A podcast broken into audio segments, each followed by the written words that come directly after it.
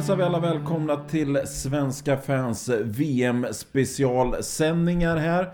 Det har gått två stycken eh, omgångar för Sverige här. Man har mött Tjeckien och man har mött Italien så här långt. Ja, en ganska så tuff eh, start där när man åkte på med en 5-2 förlust mot eh, Tjeckien som var väldigt, väldigt vassa. Över förväntan i alla fall för mig. Och sen igår då när man verkligen körde över Italien och vann med hela 8-0. Om vi ska börja med matchen med eh, Tjeckien och premiären, vad har du för svar som vi fick av Tre Kronor där egentligen? Ja, det, det, det, man kan väl säga är väl att, eh, att man, de såg rätt tröga ut, rätt trötta ut tycker jag ganska många av spelarna. Inte alls var på tårna. Tjeckerna var ju... Ja, de trampade ju gasen i botten och Sverige hängde helt enkelt inte med. Första perioden var vi helt utspelade. Sen tycker jag väl kanske att Sverige tar tag i, i sakerna och, och kommer upp spelmässigt lite bättre i de andra avslutande perioderna. Man överlag över 60 minuter så är det inget snack här. Tjeckien är det klart bättre laget.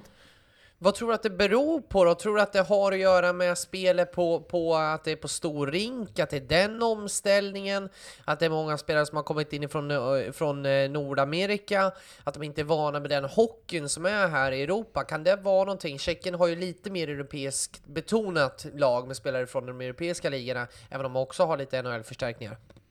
Ja, lite så kan det nog säkert vara. Liksom man, man är van vid att ha spelat på liten rink under hela säsongen och kommer till en stor rink tillbaka nu till det som man kanske är van vid sedan junioråldern. Så det är klart liksom att det blir en omställning lite grann. Samma sak som för Henke Lundqvist med. Det blir andra typer av vinklar skotten kommer ifrån. Så det är klart att det blir lite mer förflyttning för målvakterna också än vad de kanske är vana vid. Det är klart att det blir utslagsgivande också i en sån här match. Men jag tycker fortfarande liksom att skridskoåkningsmässigt så hängde inte svenskarna med riktigt här mot tjeckerna som verkligen körde sönder dem fullständigt tycker jag.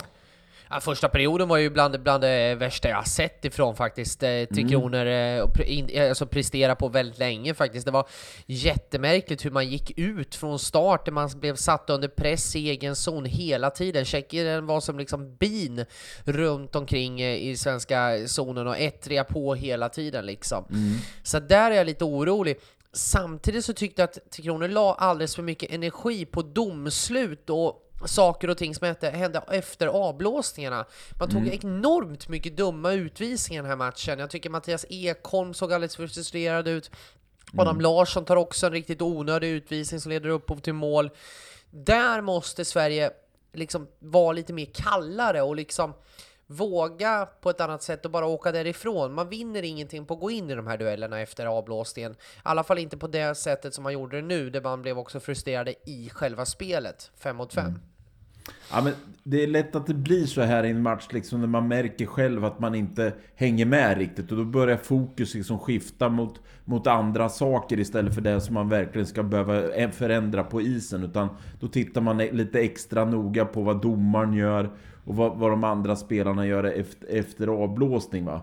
Det är rätt enkelt att det blir så. Så blir det en del SHL-matcher också som man ser när lag blir helt utspelade i första perioden. Då kommer väldigt mycket konstiga utvisningar på grund av att man precis som du säger inte har fokus på det man ska göra. Nej, och där måste man ju verkligen börja titta sig i spegeln och verkligen till resten av matcherna här framöver. Dels att man måste vara med mer spelmässigt från start, sen så att man inte drar på sig de här utvisningarna, för att då är det ju väldigt lätt att störa det här Sverige det är bara att gå in lite tufft i duellerna och liksom reta upp dem efter avblåsningarna. Där måste man på något sätt bara lära sig av den här läxan och det hoppas jag att Grönborg verkligen tog med honom. Det sa, det sa han ju i, till media efteråt på plats nere i Bratislava, att man måste börja lägga fokus på rätt saker. För som man spelade mot Tjeckien, då kommer man inte kunna ta någon medalj i det här mästerskapet. Det tror jag inte. Nej. Sen, sen, tror jag faktiskt att man varit lite överrumplad på sättet som tjeckerna spelar. För tjeckisk ishockey i vanliga fall brukar bygga på ganska mycket snabba omställning, eh, ett omställningsspel där man är snabba i, i, i kontringar och sådana saker. Och här spelar man nästan tvärtom och pressar enormt högt och sätter jättepress på svenska backarna som inte som varit nästan överrumplade mot eh, vad man är vana vid mot tjeckerna. Ja, och jag tycker att det här tror jag också blir bra att John Klingberg kommer in. För Sverige har haft lite problem när man blir satta under tryck. Det tycker jag sågs ganska tydligt med en sån som Mattias Ekholm. Även i form av Adam Larsson i den här matchen tycker jag. Där man har svårt att spela sig ur i situationerna när man kommer i hög forechecking. Nu ansluter John Klingberg som är lite mer av en spelande back. Det tror jag kommer bli nyttigt för det här laget och lite av den pusselbiten som man kanske har saknat tidigare. Jag håller fullständigt med. Det ska bli det ska jätteintressant bli... och jättebra att Klingberg kommer in här också. För det kommer bli en, en dimension till så att säga i, i backspelet här för Sverige som vi verkligen behöver.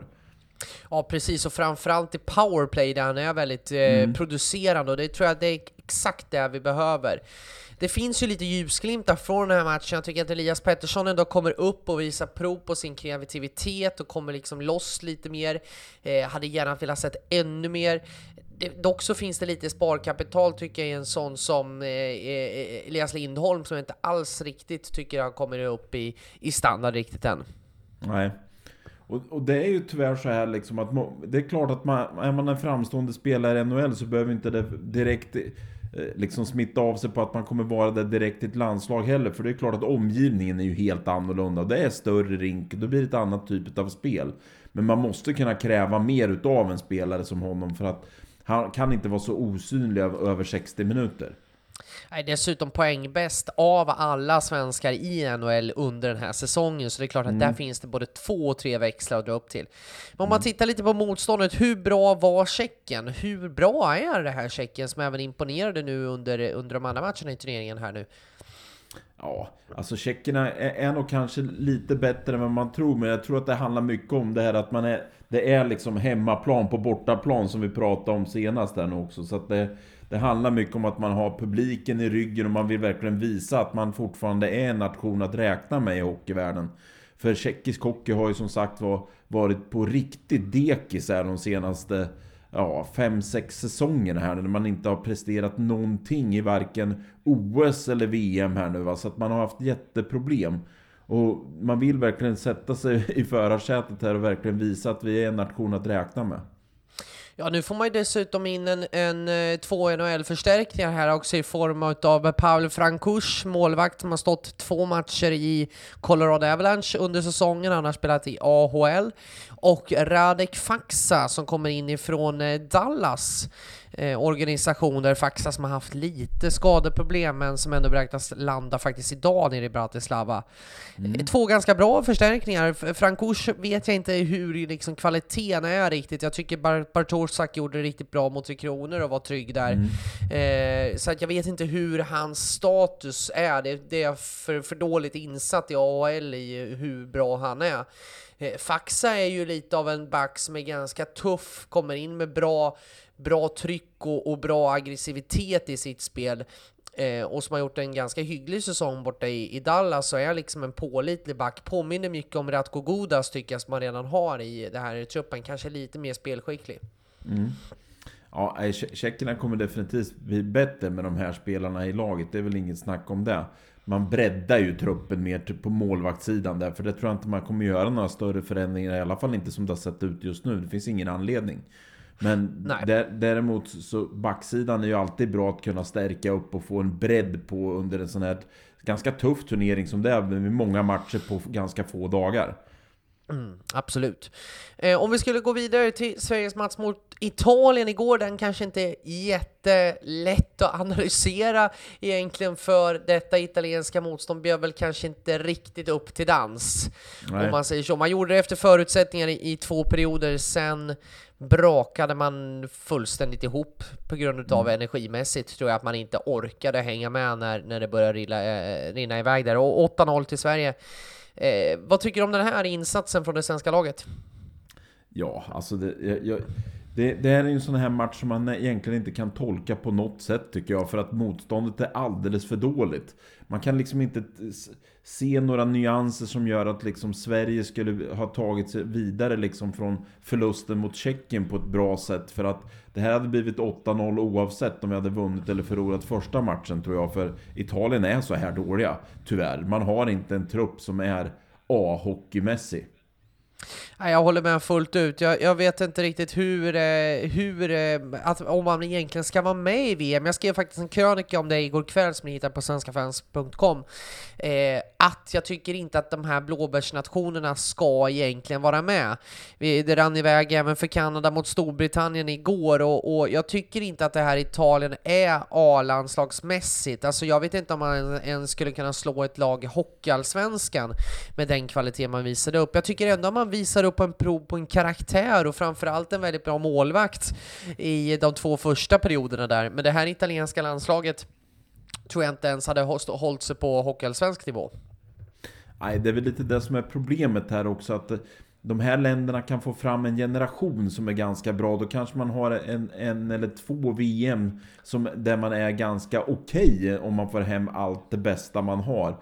Italien och Frankrike är ju, är ju två länder som har fått förlita sig på oftast ex-kanadensare med dubbla medborgarskap som har spelat eh, hockey och inte platsar i det kanadensiska laget som då, som då har valt att spela för det italienska och det franska laget. Har man inte det, ja då är man ju så tunn så att då är man ju inte ens i närheten av att ska spela i ett sånt här mästerskap. Hur tycker du att upplägget ändå ska vara i mästerskapet? Tycker du att man ska på något sätt köra någon typ av förgrupp med de spelarna som, eller med de lagen som är på gränsen och försöka köra någon typ av kval innan VM? Ska man förkorta antalet lag och kanske ta bort två lag ifrån varje grupp?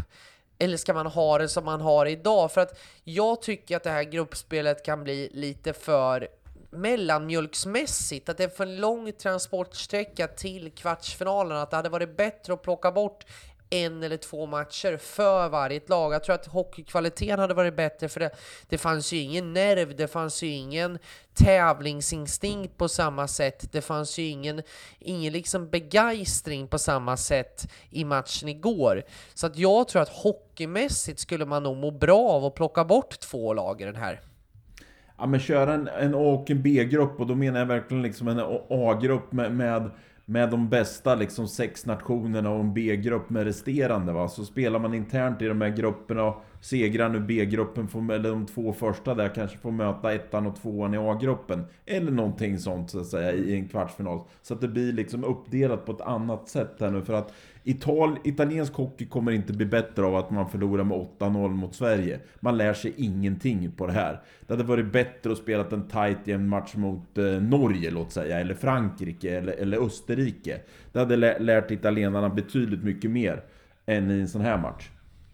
Ja, jag håller med dig fullt ut i den analysen. Om man ska plocka fram den svenska insatsen så går ju Anton Lander ändå gå in och göra ett hattrick i den här matchen. Mm. Eh, och det måste man faktiskt ge cred till, för jag tycker att Anton Lander har varit genomgående, om man tittar också med Carson Hockey Games, en utav Tre Kronors absolut bästa spelare.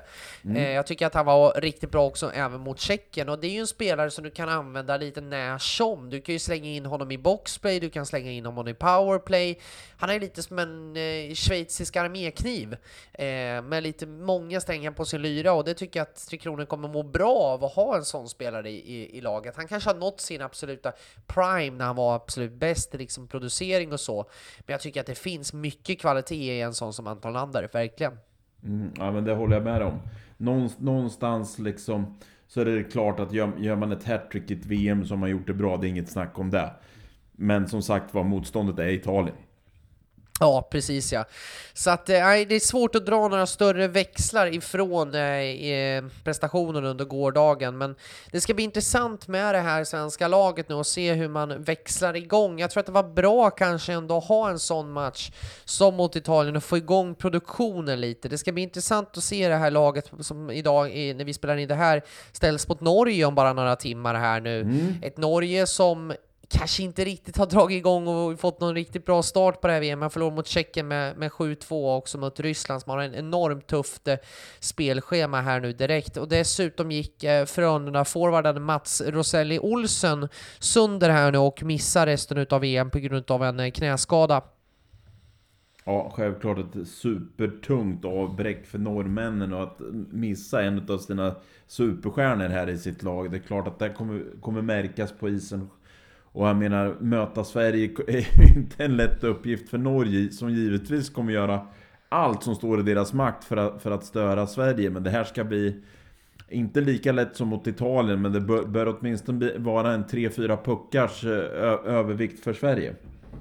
Det tycker jag. Jag tror att Norge ändå kommer bjuda upp kanske lite mer till dans och ha lite mer spelare med spets, men detta norska lag är också ganska svagt tycker jag, framförallt på målvaktssidan där man absolut inte har fått igång det från Henrik Haukeland och man har ingen riktig backup. Du har Jonas Arnsson som spelar i, hockey, eller i Hockeyallsvenskan i Leksand under säsongen och var det andra keeper där tillsammans med Henrik Holm som är från den inhemska ligan. Så att mm det här Norge är för svagt, det, det är det, och Sverige behöver vinna med en 4-5 mål, det tycker jag i alla fall. Eh, men intressant att se här nu hur Sverige ska formatera det här. Nu får man också in lite mer spelare här nu också. Alexander Wemberg ansluter inför matchen idag. Mm. Eh, vad betyder Wembergs förstärkning tror du för Tre Kronor? Har haft en ganska tuff säsong borta i Columbus, men är en kvalitetsspelare. Ja, som, precis som du säger, han har haft en, en säsong som har varit ganska bökig för honom. Men jag tycker väl inte liksom att han har tagit de här jättestegen. Å andra sidan så brukar Wemberg och landslaget vara en ganska bra kombo va. Så att det, det, det, det, är ju någonting som, som man verkligen kan se fram emot och förhoppningsvis så är han hungrig på att få ett resultat med sig från den här säsongen. Eh, det, det är liksom den analys jag har av honom här i alla fall just nu. Ja, jag tycker också att det är, en, det är en bra förstärkning för Sverige att få mm. in i det här läget. Jag tycker att det är eh, perfekt att kunna få in en sån. Han har VM-rutin också, var med 2016 senast. Och jag tycker att han är en spelare som, som Sverige kommer ha ändå nytta av. Mm. Eh, så att jag tror mycket på, på Wemberg faktiskt. Gjorde ju ändå åtta poäng i, under det här VMet 2016 på åtta matcher. Så det är en spelare som har kvaliteter, det tycker jag, och som Grönborg vet vad man får av. Mm. Eh, det som var lite mer oroande, det var ju att Jesper Bratt, New Jersey Devils forwarden, blev skadad faktiskt igår mot Italien och troligtvis inte, eller kommer inte vara med mot Norge ikväll. Enligt läkaren Peter Ström så är det ju ändå att man har eh, att, att eh, han har en skada som går att spela med, men att man har varit tagit uh, säkra för det osäkra och väljer att vila honom ikväll här nu mot Norge. Mm.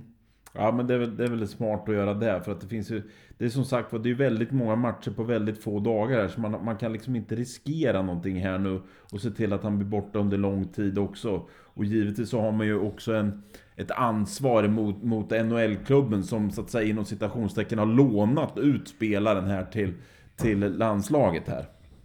Precis, och det är väl också det här som jag är inne på lite, att man skulle behöva förkorta antalet matcher, att det blir ett väldigt intensivt.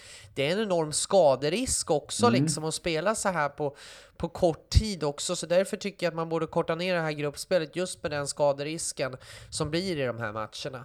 Mm. Så det är också ett argument för att jag har där, för att man ska korta ner det här allting där. Men eh, riktigt tråkigt för Jesper Bratt och vi hoppas att han kommer tillbaka här nu.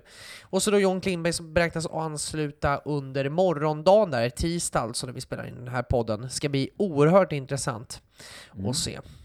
Du, om och vi ska, ska gå över kolla på andra lag här då, hur det har sett ut, liksom de andra matcherna här. Det, det, Precis. Det, det, är ju en, hel, det är en hel del, vi heter skrällar, får vi verkligen säga, med tanke på, på vad vi pratade tidigare. Framförallt så är det ju Finland här, som har verkligen liksom klivit in i den här turneringen med jättepondus. Ja, verkligen. Går in i första matchen och verkligen imponerar mot Kanada och egentligen kör över Kanada och, och liksom går in och verkligen visar var skåpen ska stå direkt alltså. Det Kanada kändes väldigt passiva i öppningsmatchen. Och så tar man då en riktigt, riktigt stark seger mot hemmanationen Slovakien. Och framförallt så är det ju en spelare som har imponerat och han heter ju Capo Kakko. Vilken eh, lirare alltså. Mm. Ja, det, det, är ju en finsk supertalang som verkligen... Ja, han kommer nog slåss hela vägen in mot Jack Hughes, vem som kommer gå etta i draften. Ja, precis ja. Det här kommer jag, jag, jag, tror att jag var nästan övertygad om att Hughes skulle gå etta när jag såg U18-VM där han dominerade ganska stort. Men tittar man nu på Kapokakos enorma insats, han gör ju egentligen vad han vill där ute på isen. Eh, mm. Eh, och då snackar vi ändå på ett VM mot, mot både Kanada och ändå Slovakien som har ganska mycket NHL-spelare på, på backsidan. Att han går ut och bara liksom spelar med den enorma kreativiteten, nej det är superhäftigt att, att se här nu. Mm. Ja, finnarna har verkligen övertygat de här första två omgångarna. Och Ja, vårat bett om att gå till Helsingfors, det är, ju, är man ju inte helt nöjd över att man satte före VM. Men, det, men det, det, är klart att det ska nog mycket till att Finland ska vinna hela turneringen här. Men att man ser onekligen har fått en bra start, det är ju inget snack om saken. Nej, precis ja. Jag börjar bli lite orolig om man inte måste börja lägga ut lite semesterdagar här i sommar för våran, våran promenad till Helsingfors i så fall. Det ser lite halvtufft ut, men, men ändå så tror jag att det här Finland kommer att ha det ganska svårt faktiskt att, att liksom växla upp när det sen kommer in i medaljmatcher tror jag. Eh, mm. just nu när vi spelar in den här podden faktiskt så möter man ju USA, man har spelat ungefär eh, ja, bara drygt några minuter av den matchen och då leder faktiskt USA med 1-0 eh, mm. när vi spelar in det här. Så det ska bli intressant att se det här finska laget ta sig vidare och ta sig an uppgiften, men framförallt så gillar jag karaktären. Det finns någonting i det här finska landslaget ändå. Jag gillar att man har tagit ut, det finns mycket finskt eh, sisu i det här laget verkligen, men en mm. sån som Marco Antila framförallt, som går in och är en, alltså en jätte på isen i match efter match. Och så har man det kryddat med lite spets också i Kapokakko, och du har några, några till som kommer hit in i, från, från KHL också. Så att karaktären på det här finska landslaget vågar verkligen gott. Mm, ja, definitivt. Men vi heter, de måste försöka, de måste ju hålla uppe det här nu rejält och det ska bli kul att se vad som händer när man får någon motgång här. Får man någon förlust mot USA idag och kanske någon förlust i nästa match, ja, var står man då då helt plötsligt?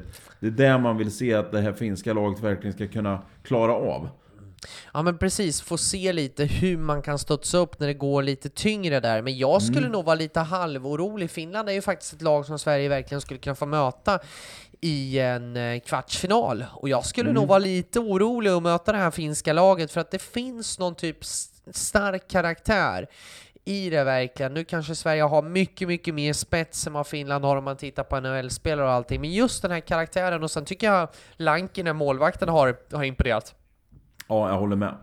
Så att, eh, nej, det ska bli jättekul att följa Finland. Sen är det ju då som vi pratade om tidigare, Tjeckien har ju övertygat rejält här nu i starten utav turneringen. Och jag tycker även att Slovakien såg riktigt bra ut i deras öppningsmatch. Ja precis ja, 4-1 på USA, det var ju inte fy skam om man säger så. Jag tycker att, eh, att Slovakien ändå kommer upp med också väldigt mycket karaktär och bärs fram av den här eh, hemmapubliken borta i Košice i matchen mot Finland. Så att Slovakien är ett lite sådär lurigt lag som går lite under radarn, som är lite otäck att möta. Mm. Eh, så att det ska bli intressant att se hur de kommer att fortsätta. Och framförallt så vill jag faktiskt lyfta, lyfta fram Schweiz också, som jag också tycker, precis som Slovakien, är lite sådär gå under radarn-varning. Jag tycker ja. man har en riktigt stabil trupp faktiskt, om man tittar på på NHL-spelare med Hirscher där bland annat och, och Roman Josi på backsidan. Jag tycker att man har någonting också i den här truppen och igår tog man en, en knapp seger mot, mot Lettland i en, i en stark match därifrån deras sida och körde över Italien där också med 9-0 i, i premiären. Mm. Nu kanske inte det här schweiziska laget har satt sig riktigt på proven. Men det ska bli intressant att se det här schweiziska laget som jag ändå tycker finns väldigt mycket kvalitet i. Ja, och sen är det ju samma sak med ryssarna här som verkligen har övertygat och känns som att man, är, man har knappt lagt något mer än tre växlar överhuvudtaget för att, för att vinna hockeymatcherna.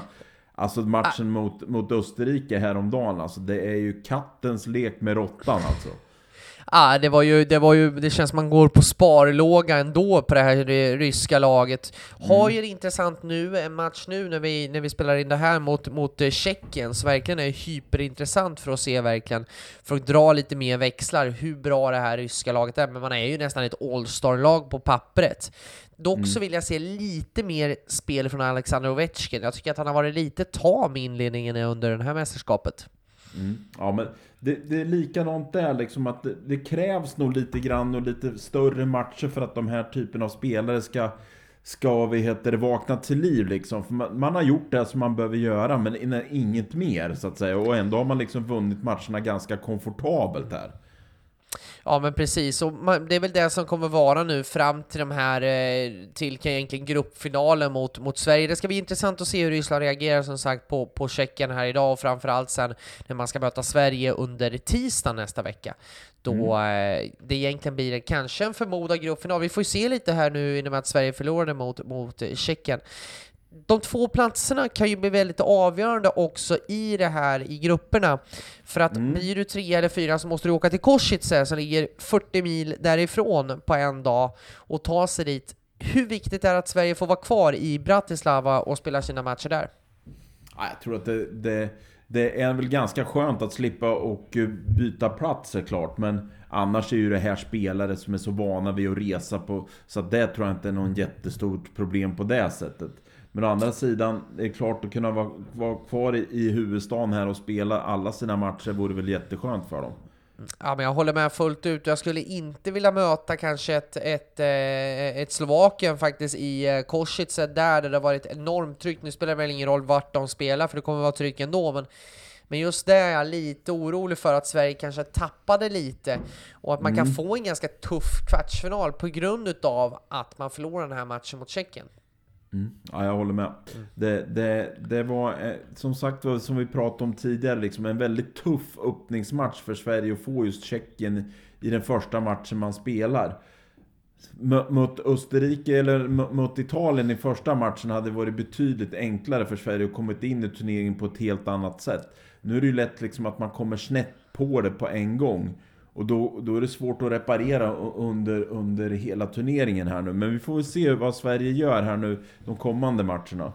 Man har ju dessutom två dagar faktiskt spelledigt här nu efter match mot Norge, mm. där man kanske kan fokusera lite mer på detaljspel i träningar. Jag skulle vilja se att man kanske nöter lite mer special teams kanske. Ja. Skulle vara väldigt intressant. Eh, vi ska avsluta lite med eh, om Sverige kan, för, kan få in förstärkning, för det har ju snackats om Gabriel Landeskog är på mm. väg in i laget. Eh, ska ha gjort en läkarundersökning nu i, i helgen. Vi får se resultatet av det i början av den här veckan. Vad skulle mm. Landeskog be betyda för det här laget? Ja men Landeskog är ju jättebra att få in. Nu snackar vi ju leda, ledare precis som Henke Lundqvist. Det är ju en en lagkapten borta i, i vad heter det, NHL. Så det är klart liksom att han skulle tillföra mycket och har ju kommit från sin absolut bästa säsong också här. Ja, det hade ju verkligen varit ett lyft, verkligen. Har ju gjort en jätte, jättefin säsong med sitt Colorado Avalanche borta i NHL. Jag tror han gjorde 78 poäng på, på 78 matcher eller någonting sånt om jag inte är helt fel. Mm. Så det hade ju verkligen varit en toppförstärkning att få in där. Eh, så jag hoppas verkligen att eh, Sverige väljer, väljer att få över eh, Gabriel Landeskog. Eh, Garpenlöv sa ju under eh, gårdagen att det är mer än 50% chans att han kommer in, så det låter ju ändå lovande. Mm. Ja, jag hoppas verkligen att de får till det och att Landeskog vill komma för att det, det skulle förstärka Sverige. Verkligen.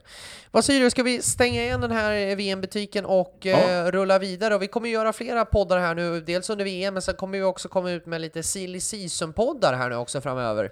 Ja, precis. Vi tänkte att vi skulle försöka och eh, dra samman de liksom övergångar som redan är gjorda i SHL och prata upp det som komma skall inför den nationella turneringen då givetvis då. Men, men eh, VM kommer vara fokus här nu i två veckor här nu framåt.